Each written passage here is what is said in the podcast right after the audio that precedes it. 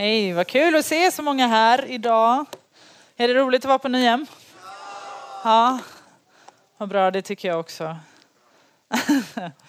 Skönt. Nej, den behöver vi inte ha. Ja, tack för presentationen Karo. Ehm, ja, men Bible Boost alltså, det är ju värsta grejen. Eh, jag älskar Bible Boost. Så jag är så glad och tacksam att få vara här och få dela den här stunden med er. Och så gött att få vara här i, i Guds närvaro tillsammans med er. Verkligen. Gud är så god. Vi kan, väl bara, vi kan väl bara be en bön innan jag ska börja snacka. Jesus, tack för att du är det bästa vi har. Herre, tack för att du är så god. Tack för att du älskar oss trots allt och oavsett allt Jesus. Tack för att vi får vara dina, dina älskade barn, Gud. Och tack för att du är här Jesus. Tack för att du är här idag. Tack för att du är i det här tältet just nu. Tack för att vi får veta det, för att du har lovat att det två eller tre är samlade i ditt namn, där är du mitt ibland oss. Men tack för att vi också får känna det i vår ande, i vårt inre Gud. Och tack för att vi också får känna det i våra kroppar, Herre, att du är här. Och jag vill bara tacka dig för att du är här. Jag tackar dig för att när du är här så finns det ingenting som kan skilja oss från dig. Finns det ingenting som kan stå emellan oss Gud. Och jag tackar dig för att när du är här så är allting möjligt Gud. Jag tackar dig för att ingenting är omöjligt för dig. Och jag tackar dig att när du, när du kommer då, och du är hos oss så, så kan vad som helst hända Jesus. Så därför så bara ber jag för våra hjärtan idag. Jag ber om att vi ska få se mer av vem du är. Jag ber om att vi ska få förstå mer av vem du är. Jag ber för att vi ska få lära känna dig mer på djupet idag Gud. Tack för ditt ord, tack för att vi får lära känna dig genom ditt ord. Och vi bara ber om att du bara skulle tala till våra hjärtan, att du skulle dra oss närmare dig den här, den här förmiddagen. Herre.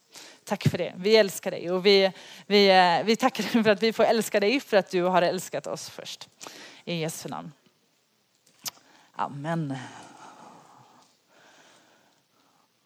Right.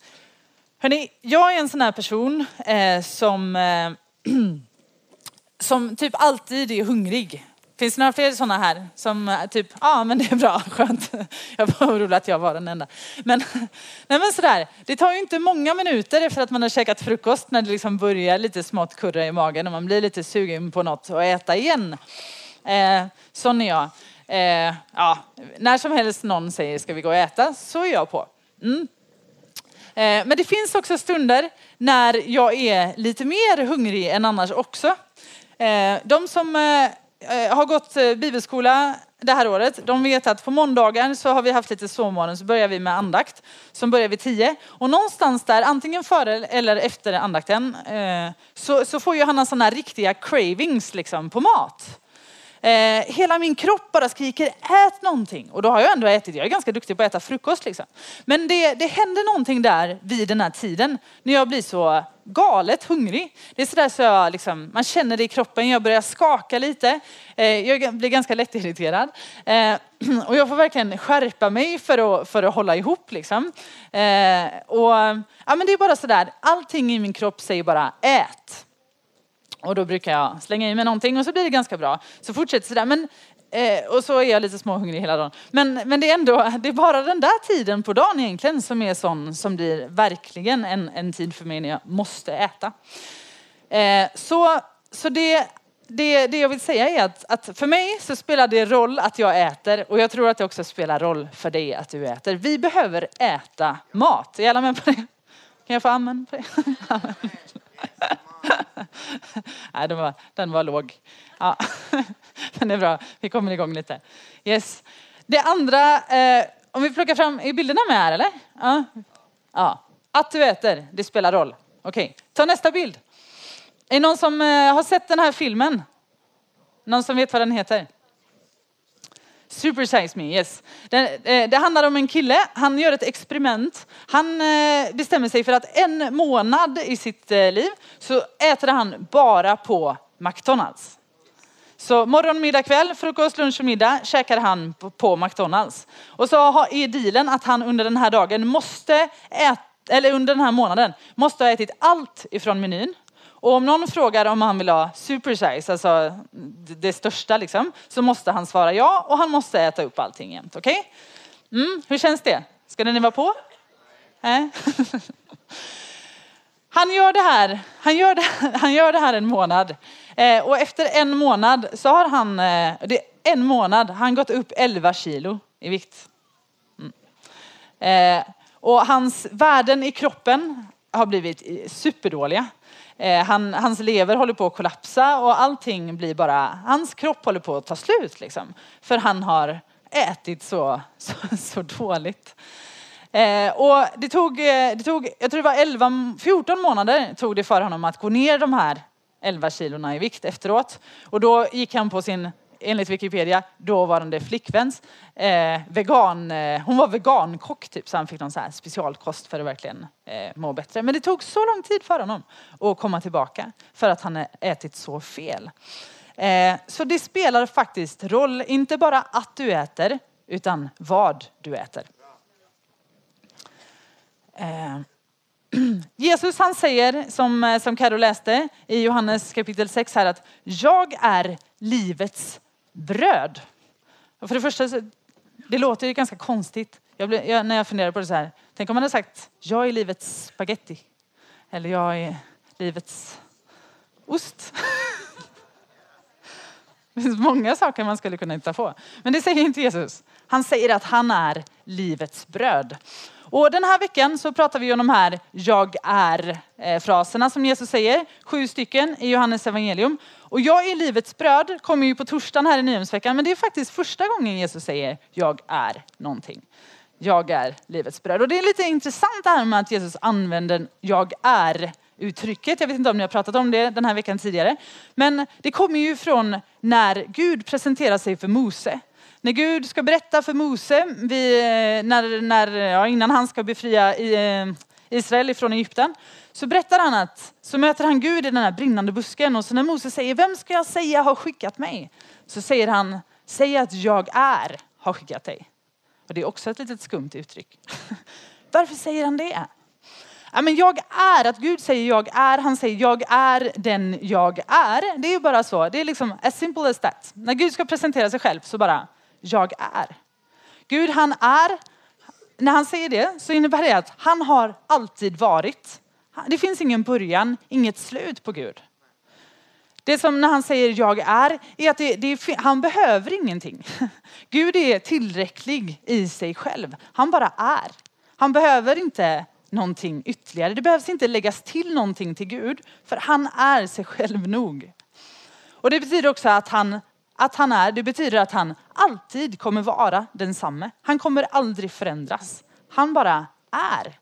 Du och jag kanske förändras, du och jag kanske behöver förändras, men Gud behöver aldrig förändras. Vi har alltid samma Gud att förhålla oss till. Och det han har sagt, det han har lovat, det han gör, han är alltid densamme. Okej, okay, jag är livets, hoppar vi över då, vi sätter det i parentes. eh, och så, han är livets bröd. Och bröd i Bibeln, det står för näring och föda. På Bibelns tid så, så var bröd liksom det man käkade till allting. Så, vi, kan, vi käkar potatis till allting. Hade Jesus kommit till Sverige på 1800-talet så hade han sagt jag är livets potatis. Men, men nu, nu var han inte där, utan han är i den här kulturen där man äter bröd till allt. Och inte bara att man äter bröd till allt, utan i den judiska kulturen så började man varje måltid med bröd. Man började med bröd och tackade Gud för brödet. Och det var liksom så man sa varsågoda. Typ. Det var så man bad bordsbön, att man tog brödet och tackade Gud för det och så började man äta tillsammans. Eh, och att äta tillsammans är ju också något som är otroligt viktigt. Står för så mycket gemenskap och så mycket identitetsskapande. Om jag käkar med Gustav, då i Bibelns syn, då är vi vänner. Då finns det ingenting som kan skilja oss åt. Det är inte bara så här att vi tar en fika eller en, en burgare uppe på Nyhamnsområdet. Utan det står för något så mycket djupare. Att äta tillsammans på Bibelns tid. Det är verkligen, då är vi, då är vi bros liksom. Om vi äter ihop. Ja. Det är bra att ha med sig. En bra grej att ha med sig när man läser Bibeln. Äter folk tillsammans, då är det kört.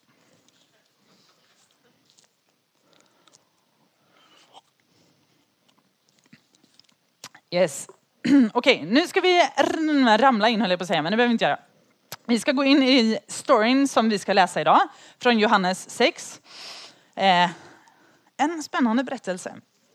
Vi kommer eh, titta på den och sen se vad Jesus säger om den här storyn. Vi kan hoppa fram till kartan där. Det var någon som lyssnade på Mike i helgen. Eller ja. ja. Han var ju störd. Eh, Men fantastisk. Ja. Han pratar, kommer ni ihåg att han pratade om Galileiska sjön? Ja. Är det någon som kommer ihåg något annat namn på Galileiska sjön? Som han... nu är vi tillbaka i den här djupa teologin här. Genesarets sjö? Tiberias, precis. Och nu är vi tillbaka där. Nu är vi tillbaka där, ser ni? Där ligger sjön. Den ligger uppe i norra Israel, uppe i Galileen. Inte så långt från Nasaret och de här ställena där Jesus eh, hängde mest. Eh, Kapernaum där Petrus bodde och de här platserna, de är här runt omkring. Någon som har, mer än jag som har åkt båt på den här sjön. Yes, gör det någon gång. Det är helt... Det var alldeles för få som hade gjort det. Så. Åk till Israel, åk på Galileiska sjön. Eh, ja, vi kan ta nästa bild så ser vi en liten så här, hmm, här är vi nu. När vi läser den här berättelsen, när vi går in i den här berättelsen så är vi här. Vi hänger vid sjön. Det, det är gräs och grejer berättar bibelhistorien. Eh, så här är vi. Tänk att du är här. Du kan blunda. Tänk att du sitter vid sjön. Det lyser lite sol. Det är härligt. All right. Det som händer är att Jesus han har gått runt på jorden här, eller gått runt i området och så har han eh, har han helat massa människor. Han har eh, undervisat, han har eh, visat massa grymma grejer. Och folk börjar så här fatta, det är något speciellt med Jesus. Hmm, det händer någonting här. Det, det, det, han är inte som alla andra. Eh, och så, så börjar folk följa efter Jesus. För de blir lite så här, ja, men vi vill veta vad som händer. Vi vill inte missa någonting. Det är lite FOMO. Kan ni FOMO? Ja. Det lärde jag mig av min pastor häromdagen. Johannes Magnusson. fear of missing out. Så, folket har lite fear of missing out på vad, Jesus, vad som ska hända runt Jesus. Så de hänger på. De är nästan lite jobbiga. Men, men de hänger på. Och den här berättelsen den berättar att det är 5000 män som hänger på Jesus. Som är här på den här platsen där vi, där vi är nu. 5000. Vi tycker att vi är många här inne. Men, eh, men Ja, vi är, några, vi är många. Men, men det var 5000 män. I Nyhemshallen går det in 3600 pers. Har jag fått lära mig. Eh, så, så det är mer än vad man knökar in i hela, hela Nyhemshallen. Och dessutom, på Bibelns tid så räknade man typ bara gubbarna. Så. Men vad vi vet är att det också fanns kvinnor och barn här. Så man räknar med att det var ungefär 20 000 pers. Fattar ni? Det är rätt många. Jo, det är ungefär ja, nästan sex Nyhemshallar fullsmockade med folk som drar efter Jesus. Ja. Hur, hur, ja, nej. ja, men det är rätt mycket folk som är där. Och de här, de, de liksom, jag vet inte, de har inte, det är inte så många som har plockat med sig matsäck. Liksom. De har kanske inte planerat att de skulle hänga på så länge. Men Jesus inser, han ser på de här människorna och så säger han, ja, men, ja, han inser att de, kommer, de börjar bli hungriga nu. De har hängt efter mig rätt länge, nu börjar de bli hungriga. Så han säger till Filippos, en kille som är från trakten, som borde ha koll på, på liksom bagerier och matställen, så säger han till Filippos, men Filippos vad ska vi göra? Eh, de här människorna behöver ju äta. Och Filippos han bara, eh, eh, det är jättemånga människor där Jesus. Så här, hur ska vi kunna lösa det här? Han, säger, han, han, han pratar om eh, hur många denarer är det nu 200 denarer, det är typ 100 000 svenska kronor. Om vi hade haft 100 000 svenska kronor så hade inte det räckt för att, för att mätta alla de här människorna. Så han, Filippos, han ser inte riktigt, eh, ah, han ser inte riktigt möjligheterna skulle man kunna säga. Eh, han, han är lite realist så. Men mitt i det här så kommer en kille, Andreas, Petrus brorsa, han kommer fram och han har hittat en kille som faktiskt, hans mamma var lite ansvarig. Hon hade plockat med matsäck till honom. Hon har gett honom fem bröd och två fiskar. Jag tror ni, nu börjar ni känna igen storyn. yes. Eh, och han säger, ja, här är det här lilla, men, men vad hjälper det? Det är 20 000 pers här liksom.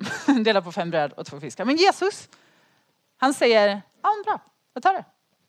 Så tar han bröden och precis som vi sa vid alla judiska måltider så tackar han Gud, läste välsignelsen över brödet och så bryter Jesus brödet och så börjar han dela ut det till människorna. Och vad händer? Det räcker! Det räcker till varenda en. Alla får äta den dagen. Alla får mat. Alla får äta. Och det inte bara räcker, eller hur? Det inte bara räcker utan efteråt så samlar man in det som blir över. Och då samlar man in 12 korgar med bröd. Är ni med? 12 korgar med bröd samlar man in efteråt. Fem bröd och två fiskar. Blir mat till 20 000 pers plus 12 korgar med bröd. Och vet ni vad? Jag har faktiskt med mig lite som blev över. Ja. Kolla. Fast vi har förpackat det lite här. Ja. Är det någon som är lite hungrig? Någon som, har, någon som inte har käkat frukost idag? Du har inte käkat frukost? Ja. Ett. Ät lite, det var fler. Skicka runt lite. Se din kompis lite hungrig ut. Förresten, jag har en grej till också. Det är lite... Det, det är lite, en torsk. Jag är, jag, det är lite ironiskt faktiskt att jag får prata om Jesus som livets bröd. För jag käkar inte gluten. Men det, men det finns ju glutenfritt bröd. Är någon, som, någon annan som inte äter gluten här inne? På riktigt? På riktigt?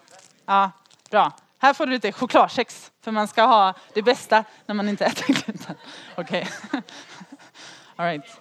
Bra, nu får vi nog rappa på här. Mm. Yes. Ja. Men vi, vi går vidare. Vi har mycket spännande framför oss. Och... Tyst i klassen. Okej, nu har det här hänt. Det har hänt massa saker. Och då, när, när, folket ser det här så säger de, då, då står det så här i vers 14 i Johannes 6. Då människorna såg vilket tecken han hade gjort sa de, detta, detta måste vara profeten som ska komma hit till världen. Men Jesus som förstod att de tänkte tvinga honom med sig för att göra honom till kung drog sig undan till berget igen i ensamhet. Då människorna såg vilket tecken han hade gjort sa de, detta måste vara profeten som ska komma hit till världen. All right? Detta, detta måste vara profeten. De, de eh, ja, vi går vidare. Tecken här, nästa bild.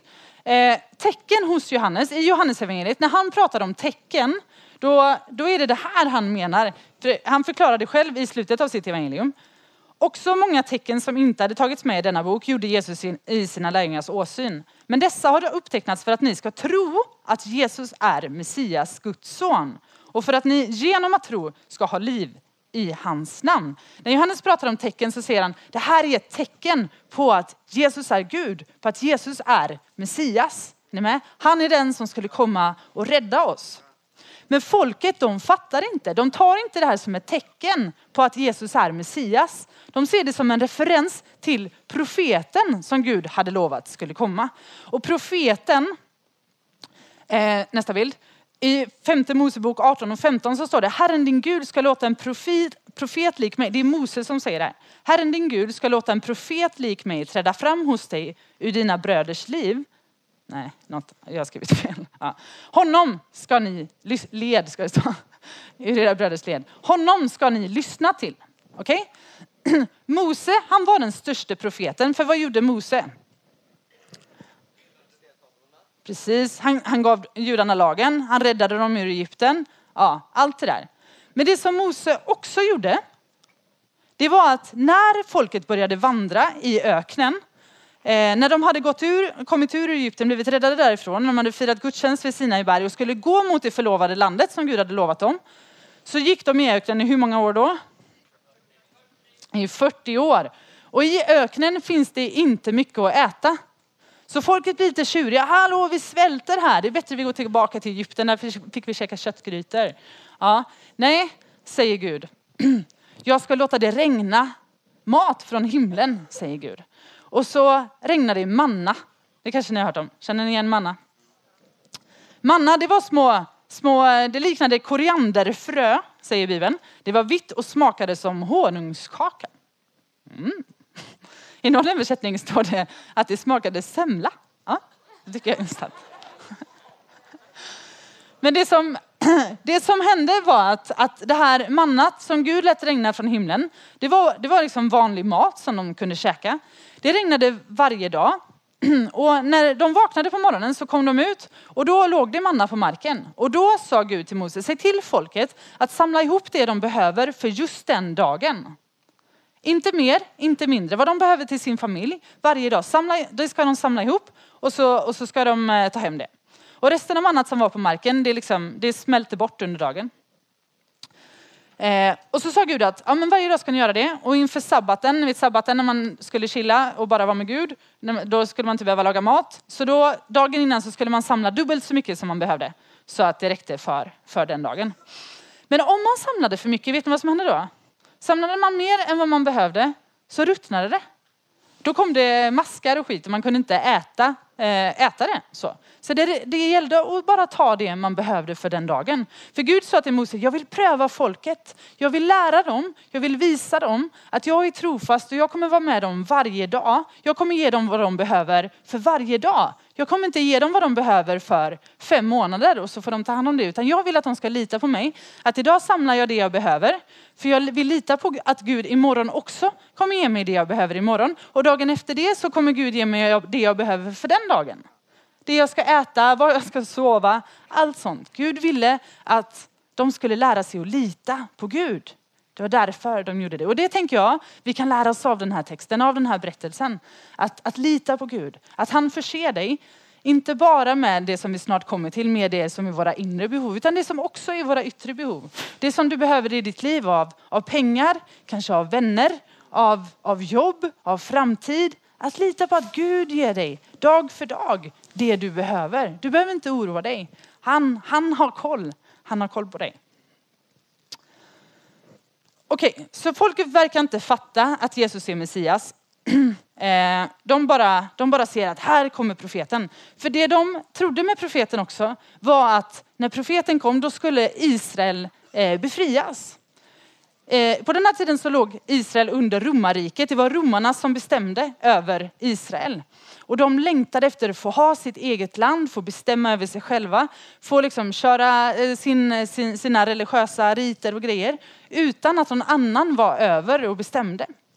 Så det fanns en stark längtan efter det. Och man tänkte sig att när, när profeten kommer och Messias kommer, då ska han upprätta det här riket. Då ska han låta oss få vara en nation, ett eget land igen.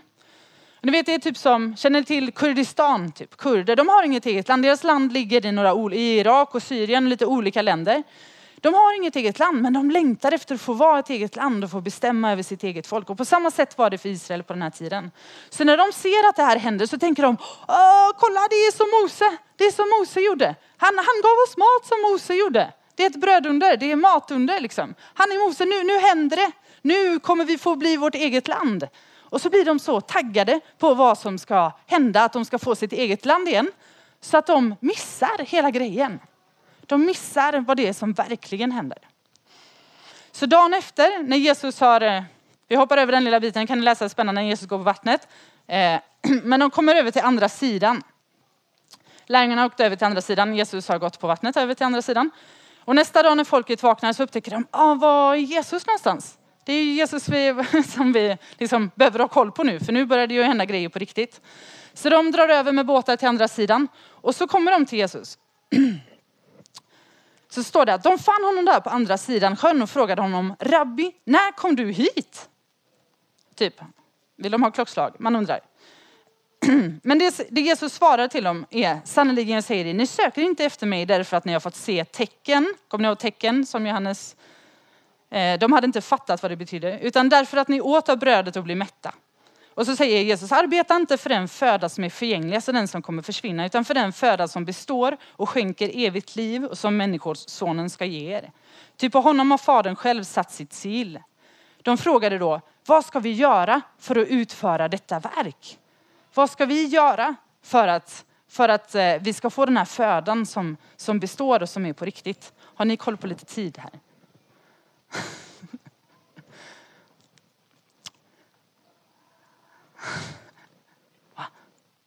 Ah, okay.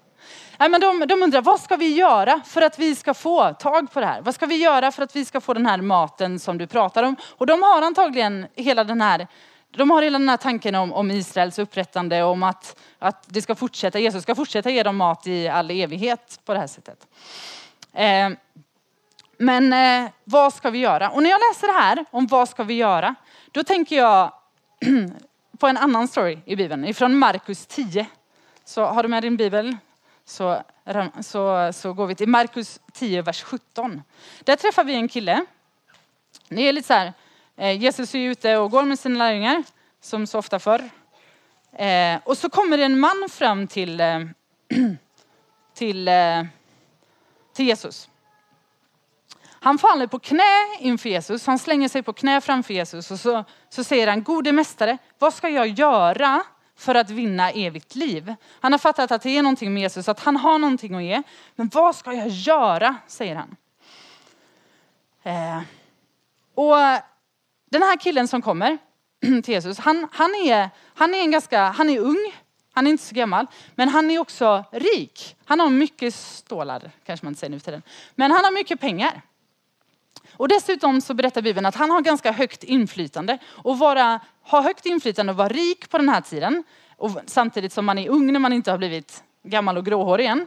då, då är det något speciellt. Liksom. Den här killen, han, har, han är den som alla vill vara. Så. Finns det någon på din skola, något på, någon på ditt jobb som säger, men den där personen, det är den alla vill vara som. Det är den alla vill liksom, ser upp till. Det är den alla skulle, om man skulle få byta och vara någon annan en dag så skulle man välja den personen. Typ den killen. Den killen är han. Men han kommer till Jesus. Han kommer till Jesus, han slänger sig på knä framför Jesus och så säger han, vad ska jag göra för att få evigt liv? Han har allting, men, det verkar, men han hungrar ändå efter något mer. Det är någonting som fattas på hans insida. Och när de fortsätter prata så, så säger Jesus först till honom att han, han börjar säga budord. Liksom. Vad, Eh, du ska inte dräpa, du ska inte begå äktenskapsbrott, du ska inte stjäla, du ska inte vittna falskt, du ska inte ta ifrån någon det som är hans. Visa aktning för din far och din mor. Mästare, svarar den mannen. Allt detta har jag hållit sedan jag var ung. Så han har dessutom inte bara att han har allt, han verkar ha, ha ordning på sitt liv. Liksom så. Han har ordning på sitt liv och han har allt man vill ha. Men ändå är det någonting där som fattas. Någonting som liksom vill, eh, något som han inte kommer undan. Och vi vet, om jag läste den här storyn förut, så vet vi att den slutar med att han blir bedrövad och går därifrån. Men ändå så står det i texten, och det här älskar jag. Jesus såg på honom med kärlek. Jesus vet att den här killen har det tufft, liksom. Eh, att han längtar, men att det finns saker som står i vägen mellan honom och Jesus.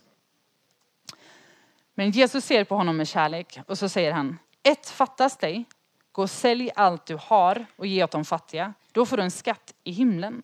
Kom sen och följ mig.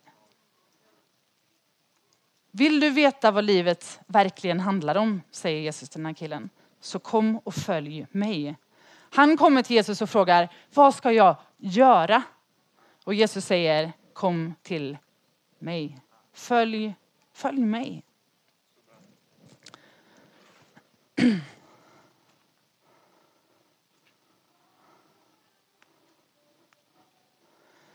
I Matteus 16, eh, vers 24-25, det är nog en av de mest utmanande texter i Bibeln som, som, som utmanar mig mest eh, på det här och som är på det här temat.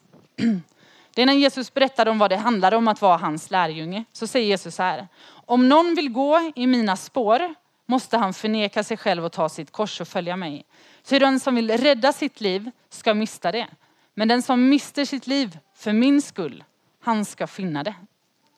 Jesus säger att om vi vill veta vad livet handlar om så, så, så måste vi ge upp våra egna ambitioner. Måste vi ge upp vår egen dröm om det perfekta livet. Om det livet som vi tror kommer göra oss lyckliga och kommer få oss att bli självförverkligade. Som kommer få oss att bli, bli uppmärksammade och stora. Och så bara behöver vi ge upp allt det där och bara följa honom. Och när jag översätter den här texten till, när jag, när jag, Johannas översättning av den här texten då. Är ni med på den? Det här är inte Bibeln, det här är Johannes eh, parafras som han så vackert säger ibland.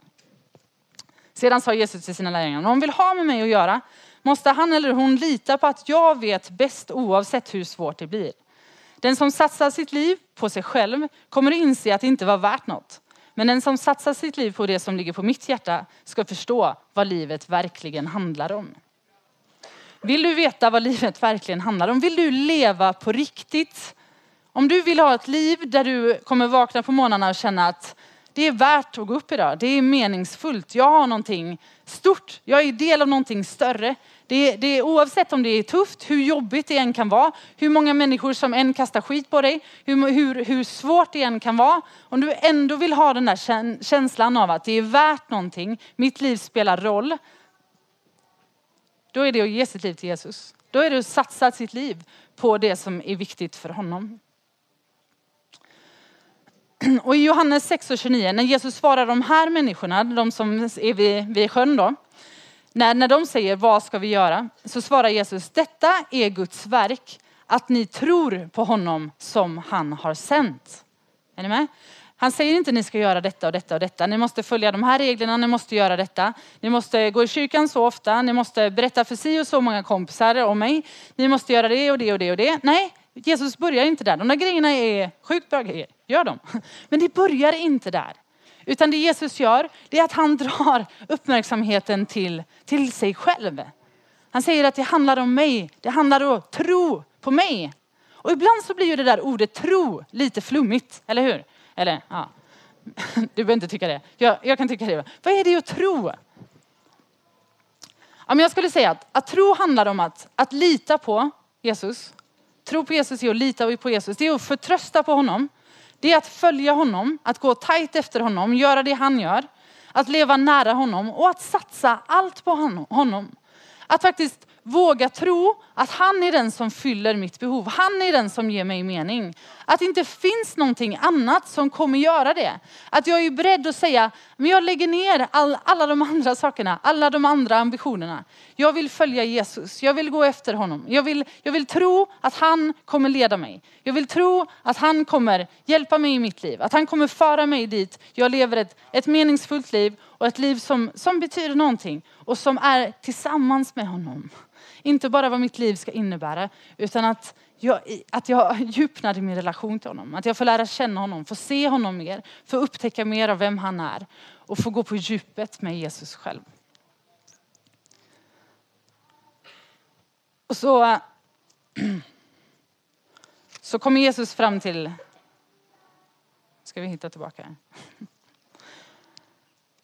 Ja, men han, säger, han säger att att tro på mig, det är Guds verk. De sa, vilket tecken vill du göra? De har fortfarande fattat. Vilket tecken vill du göra? Så att vi kan se det och tro på dig. Vad kan du utföra? Våra fäder de åt mannat i öknen så som det står skrivet. Han gav dem bröd från himlen att äta, att ge er. Eh, eller att äta. Jesus svarade, sannerligen jag säger er, Mose gav er inte brödet från himlen, men min fader ger er det sanna brödet från himlen. Guds bröd är det bröd som kommer ner från himlen och som ger världen liv. De bad honom då, Herre, ge oss alltid det brödet. Och nu, nu briserar Jesus i det här. Alltså nu, nu, har man gått, nu har de gått över gränsen på Jesus, tror jag. Eller jag ser det framför mig. Eh, de, de, de liksom, nu, nu, har, nu har det gått för långt. Han bara, men fatta nu då. Och så ropar han, jag är livets bröd. Det är jag som är det. Ni väntar på bröd från himlen, ni väntar på massa saker i den här världen som ni tror ska liksom hjälpa er och som ska, som ska ge er det ni tror att ni behöver. Men det är jag! Hallå! Det är jag säger Jesus. Det är jag som ska ge er det som ni behöver.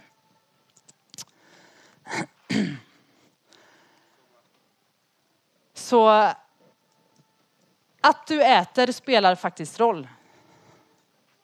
Att du äter för att styrka din liksom, inre människa. Det som Jesus vill ge dig. Att du äter från honom. Det spelar roll. Det kommer göra en skillnad i ditt liv. Det kommer göra en skillnad för hela ditt liv.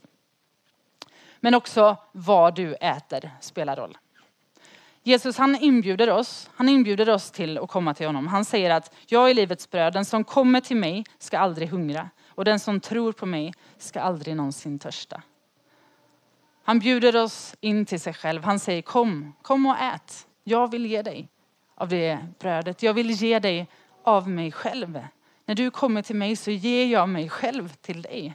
Jesus han kom till jorden för våran skull. Han, lät, han blev det brödet från himlen som skulle ge världen liv. Och han står där och han väntar på dig varje dag, varje stund. Så bjuder han in dig till att gå med honom, till att äta av honom, av honom själv, av hans egen kropp. För att vi ska få liv, för att vi ska kunna leva. Och innan vi går vidare så kan vi bara så här, jag skulle bara vilja be en, en bön. Eh, och om du vill, om du känner att ah, men jag, vill, jag vill verkligen, jag vill leva mitt liv för Gud. Jag vill tro på Jesus. Jag vill lita på att han är den som kommer ge mitt hjärta vad jag behöver. Han är den som kommer, som kommer, som kommer ge mitt liv mening. Han är den som jag vill följa. Så bara lägg din hand på ditt hjärta och så bara ber vi att Jesus ska få, få verkligen få visa det för dig. Jesus, tack för att det bara är du som kan ge mig liv, Herre. Tack för att det bara är du som, som kan ge mitt, göra mitt liv meningsfullt och bara du som kan få mig att, att, att sluta hungra. Du som, kan få, du som kan mätta mitt hjärtas begär, Jesus. Och jag tackar dig för var och en här inne som känner så just nu, Jesus. Så jag bara ber om att vi skulle få, få fortsätta det, att vi skulle få våga tro på det, stå fast i den tron, att vi alltid söker dig först. Att vi alltid litar på att det är du som ger oss vad vi behöver. Så kom heligande, kom och bara rör vid våra hjärtan och ta våra liv och låt oss få, få äta ifrån dig. Låt oss få se att det funkar. Vi älskar dig. Amen. Amen. Nej, men det har kommit in lite frågor. Jätteroligt. Fortsätt skicka in. Eh, jag tänker vi, vi lyfter några av dem nu så här direkt så får vi se vad vi landar i lite. Eh, en fråga som kom in var utifrån när du pratade om att Gud säger jag är. Mm. Eh, och det var en ganska konkret fråga som var säger Jesus jag är med det heliga ordet jag vet? Eh, det kanske du har svar på. Men annars kan du bara förklara lite mer om jag är. Mm. Man får säga pass. nej, men, men det, nej, men det är... Mm, vad ska jag säga mer?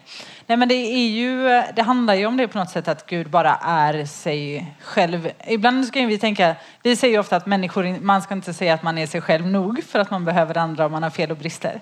Men Gud är ju sig själv nog. Alltså så, han behöver inget annat.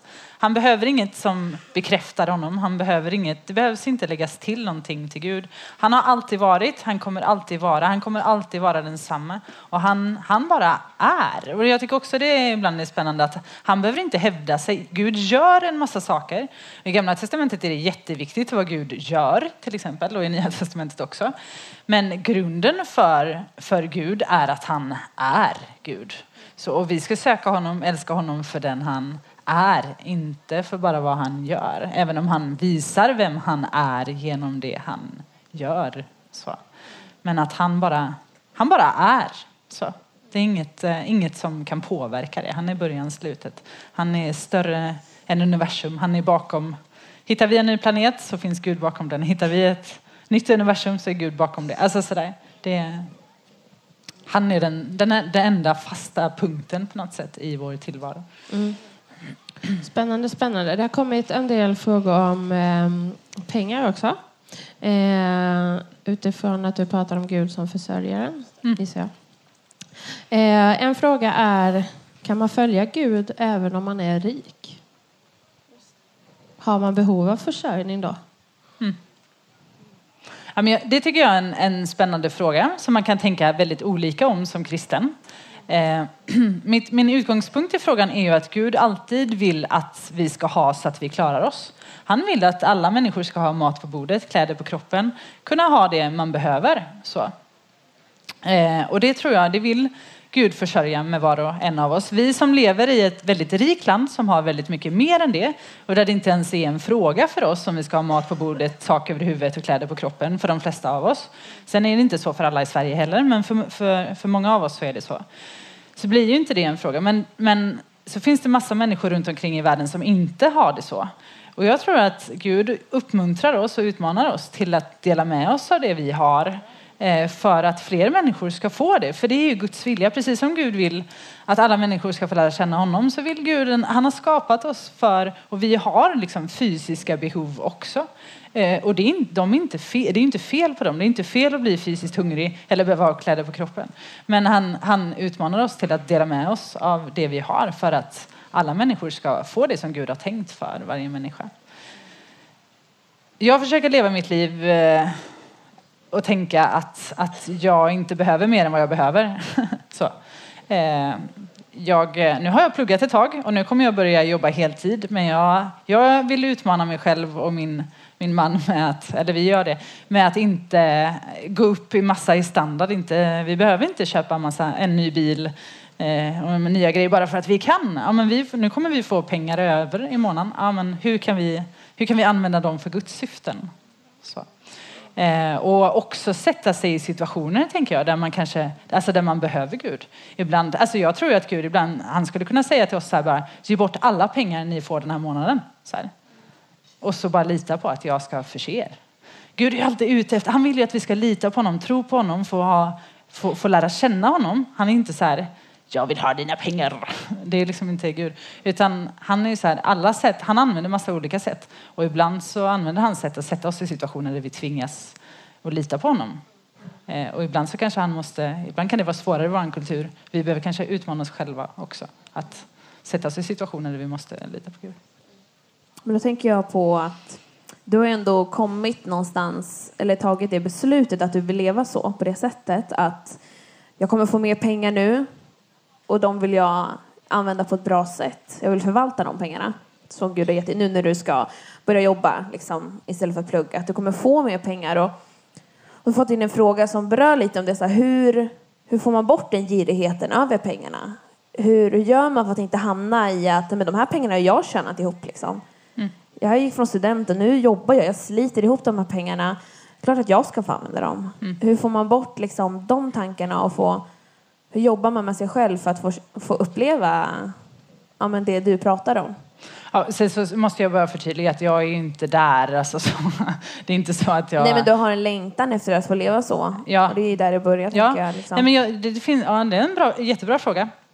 Jag kan fundera på vad som har... Men jag tror att det handlar om att saker och ting märker en. För mig var det viktigt. Jag, när, jag hade, när jag hade tagit studenten så efter ett tag så gick jag bibelskola, var tre månader i Etiopien. Så här, och, eh, där ni också var. Men, men där man får möta människor som knappt har några liksom, fysiska eller har några materiella förutsättningar. Men som har så otroligt mycket glädje. Så, så man märker att amen, här finns det något annat som är viktigt i livet. Här finns det något annat som ger så mycket mer än vad pengar kan ge. Och det var ett sånt tidigt exempel. När vi hade varit där tre månader så kom vi tillbaka till Sverige till, till flygplatsen och så mötte vi en, en kvinna som satt bakom en disk och som ja, men hade, ja, men hon hade det säkert bra, såg ut så. Alltså rent ekonomiskt och sådär. Men var så himla sur. Det var liksom vårt första möte med Sverige igen. Och så känner man bara, här har vi mött människor som som inte har någonting alls, som knappt har mat för dagen, men som alltid öppnar upp sitt hem, som verkar glada, som bryr sig om varandra, som har så mycket mer glädje än vad... Ja. Och då, då märker man ju att, ja, men vad är det som är viktigt i livet? Sådär. Och det tror jag också när man, när man går tillsammans med Jesus och man eh, går tillsammans med andra människor som vill följa honom, så, så förhoppningsvis så, så blir det mer och mer, blir andra saker viktigare än att kanske ha det Eh, ha allt materiellt. Liksom. Men det är, det är en kamp, verkligen. Det är, ju, det är ju någonting man aktivt behöver arbeta med om man vill det. Men jag tror också att om man, om man ber till Gud så tror jag att han vill lägga någonting på ens hjärta att få, få äh, ja, hitta, hitta ett annat fokus och att, att mm. en annan längtan. Det var en, du pratade om mannat i öknen och att, de, eh, att Gud ville att de skulle ta så mycket varje dag som, som de behöver den dagen. Mm. Eh, och då var det en fråga som kom in som var hur visste de hur mycket de skulle ta? Ja, det är en fråga. Men om man applicerar det på idag. Mm. Hur vet man liksom hur, hur mycket man ska ta mannat eller vad det nu kan vara i våra liv idag? Mm. Precis. Vad är nog? Ja, precis. Nej, men I Bibeln så stod det faktiskt hur mycket de skulle ta. De fick instruktioner om hur mycket de skulle samla. Hur många deciliter var det då? Mm, det var en sån här efod eller någonting tror jag. Någon kan kolla upp det. Nej men så, där fick de instruktioner om det. Men det är, det är ju en svår fråga när vi har överflöd. Men man kanske skulle börja tänka lite mer så här. Ja, men jag får in min lön på kontot nu, jag har fått mannat. Då tar jag det, det jag behöver. Det jag behöver för att ha någonstans att bo, det jag behöver för att ha, ha mat på bordet och kläder på kroppen och eventuellt andra saker. Eh, Hur gör man om man inte... Här sitter ju de flesta som ännu mm. bor hemma, inte slutat skolan, inte börjat jobba. Mm. Troligen lever på sin familjs försörjning. Liksom. Hur mm. gör man då? Vad säger du Jonathan? ja, man kanske börjar där istället. Hur mycket vill jag ge? Alltså, antagligen bor du hemma och dina föräldrar sätter mat på bordet och ger dig eh, lite pengar till kläder och sånt. Ja, men då, då, eh, då kanske vissa månader kanske bara, ja, men jag ger hela min månadspeng till något, något bra. Här på Nyhem finns det ju massa bra grejer man kan hitta med PMU och Ibra och grejer där man kan få investera och satsa och även till, till Nyhem få satsa sina pengar på någonting som, som, som har evighetsvärde, liksom, något som kommer spela roll om tusen år. Alltså, tänker jag också att eh, ibland att man behöver utmana sig själv i just givande och öva sig givmild, Mm. givmildhet och, och dela med sig. Och eh, ibland brukar jag försöka i stunden när vi ska ge kollekt till exempel, som vi gör inne på gudstjänsterna i hallen, att ja, men verkligen fråga Gud. Mm. Vad vill du att jag ska ge? För att stundtals så kan jag uppleva liksom, att jag bara vill ge allt. Mm. Och det är inte alltid det smartaste heller. Och ibland kanske det inte är Guds tanke att jag ska lämna bort allt jag har. Liksom. Men att ständigt leva med helig ande i sitt liv. Att han också kan få, få påverka mina beslut angående pengar och andra saker i mitt liv också. Inte bara mina beslut i vilken bibeltext ska jag läsa den här morgonen, Gud. Liksom. Utan att hur, hur lever jag med mina pengar idag? Eh, ska jag bjuda någon på mat idag? Mm. Eller det kan vara vad som helst. Vara givmild i sitt liv överlag. Men att stundtals bara fråga Gud att ah, men idag ska jag träffa den här kompisen. Vill du Gud att jag ska bjuda henne på lunch idag? Mm. Kan det få betyda något speciellt? Liksom? Bra. Ja, det är superbra. För ibland, jag tänker, eller i mitt huvud i alla fall så blir det ofta så abstrakt och flummigt hur jag kan ge. Alltså så, men ibland kanske det inte är svårare än att ta de tillfällen som man får. Alltså här på Nyhem är ju liksom tillfälle kollekten till exempel. Det är tillfälle att bjuda någon på lunch. Alltså det som vi ofta ser som ganska världsliga grejer. Så här, ja, men man behöver käka. Det är ju verkligen tillfälle att vara giv, givmild. Det är massa sådana tillfällen. Verkligen. Och på tal om det, ge gärna kollekt till Nyhem för den delen. Nyhem kostar ju pengar såklart och eh, vi vill ju vara med och bidra med det. Eh, och vi är ju en del av Nyhem. Och det är ett jättetillfälle att praktisera just det vad gäller givmildhet med pengar här på Nya. Eh, om vi går lite till just då livets bröd och eh, du pratade lite om i slutet hur man ja, men hur vi kan leva det väldigt kort med i undervisning, nattvard och så vidare. Eh, och om man applicerar det ännu mer på våra liv idag, hur äter vi då? Alltså finns det, har du några konkreta exempel du har upplevt i ditt liv, kanske förutom nattvard och alltså andra tillfällen när du känner att du verkligen fått uppleva det och fått livets bröd på något sätt? Mm. Ja, men jag tror ju att, eh, jag tror, som Jesus säger, han säger kom till mig. Eh, så. Han bjuder in till sig själv. Så jag tänker att varje gång vi, eh, vi kommer till honom så, så får vi del av brödet. Så. För då ger han av sig själv. Han missar aldrig tillfälle att ge oss Eh, av sig själv när vi kommer till honom. Och ibland så kanske vi märker det och ibland så märker det vi inte. Eh, det kan ju vara en sån sak som att, ja, men till exempel att, att läsa Bibeln. Till exempel. Det kanske inte känns så här, åh nu tog jag verkligen emot eh, nu händer det. Det är inte alla dagar vi känner att wow, nu händer det. Men det händer ändå någonting. Det händer alltid någonting när vi läser Guds ord. För det är kraft i Guds ord och det, det är mat för, för vår människa. Liksom. Eh, men, men, eh, nej, men jag tror att det på all, allt som leder oss närmare Jesus tror jag hjälper oss att äta av brödet. Att åka hit till Nyhem är liksom ett sätt. Att gå på Bible Boost är ett sätt. Alltså sådär. Eh, att få, få eh, det. Men jag tror också att vi behöver be Gud här om en, om en hunger eh, ännu mer efter honom och efter att han ska ge oss det brödet, att vi ska få ta emot det som han vill, vill ge oss. Och då tror jag att vi, om, när vi hungrar efter Gud så, så, så, led, så alltså då dras vi dit när vi kan få mat.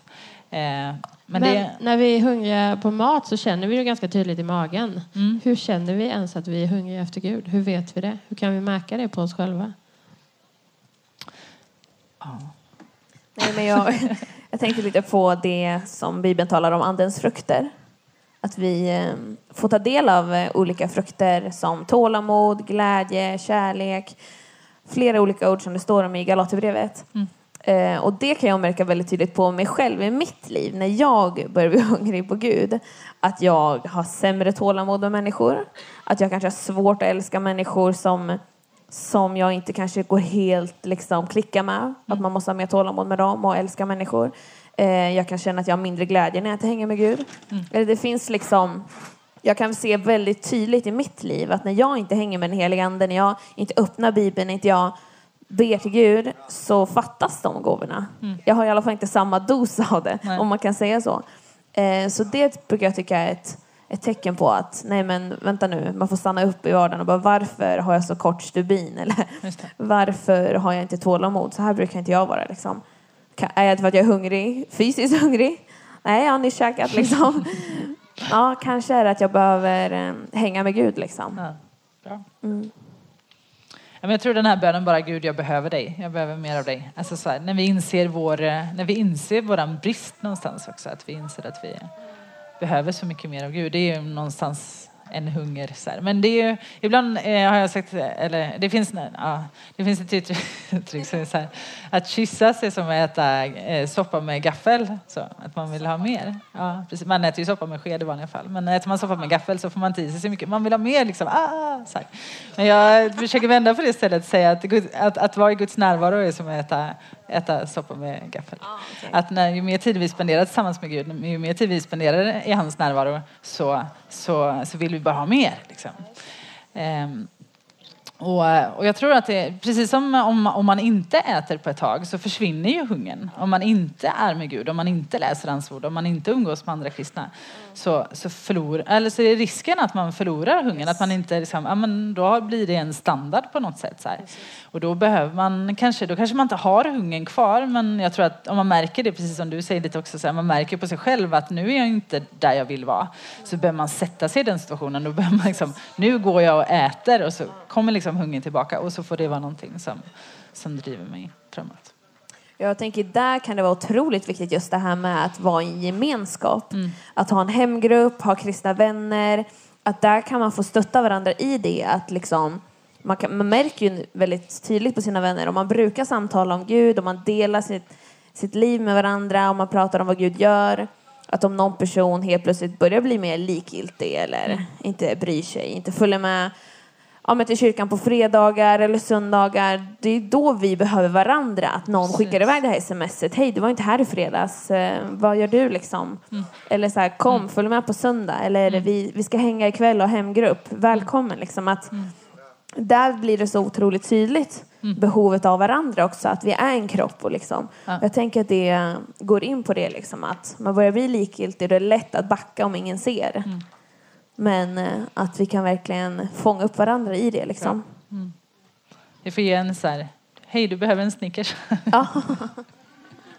Annars blir man en bitch. Eller? Det fick man inte säga, sa någon. Ja. Men jag tänker Bibeln som eh, mat då. Ehm, blir man, alltså om man läser Bibeln eller lyssnar på undervisning varje fredag flera, flera gånger eller ja, under en period. Liksom. När, när känner man mättnaden? Eller kan man, inte Ja, mättnaden det- att man inte vill ha mer, Nej, men när känner man att det liksom ger något? För att oftast efter en predikan på 20 minuter så kanske man inte upplevt att att man får ta emot bröd. Alltså så. Men hur Mm. kan det märkas i längden på ett sätt? Ja, ja, men det är väl lite, ja. Hmm. Bra fråga. Nej, men, nej, men det, kan- det beror ju på vad vi tänker med känslor och vad som verkligen händer kanske som vi inte märker av också. Jag tänker att sitter man och lyssnar på en predikan, man är med och, och, man, och det tror jag är en, en, en av vi, vi riskerar ju alltid när vi sitter och lyssnar på en predikan att vi inte riktigt är med och inte går in i det. Alltså så här, utan att vi kanske sitter och funderar på annat eller funderar på hur predikan är eller så där. Men att verkligen så här, ja men gud, jag vill, jag vill lyssna efter det där. Jag vill ta emot det där som du vill ge mig här. Och sen tror jag att det också är en utmaning till eh, Ja, till oss som predikar och undervisar, liksom, att, att verkligen söka Gud så att vi har någonting att, alltså att vi lyssnar in vad det är, vad är Gud, vad vill du ge idag? Så, att det inte bara blir att, eh, så, ja, att eh, man levererar någonting som, ja, ni vet man blir rätt, sådana vitt bröd vi hade att dela ut. Ibland så sånt liksom, man kan käka det men man blir inte mätt. Så här. Vi behöver ha det, danskt rågbröd. Eh, mm. Inte alltid Och det är inte det godaste. alltid godaste. Nej, precis. Men man blir mätt. Ja. Spännande, det kan ni klura vidare på.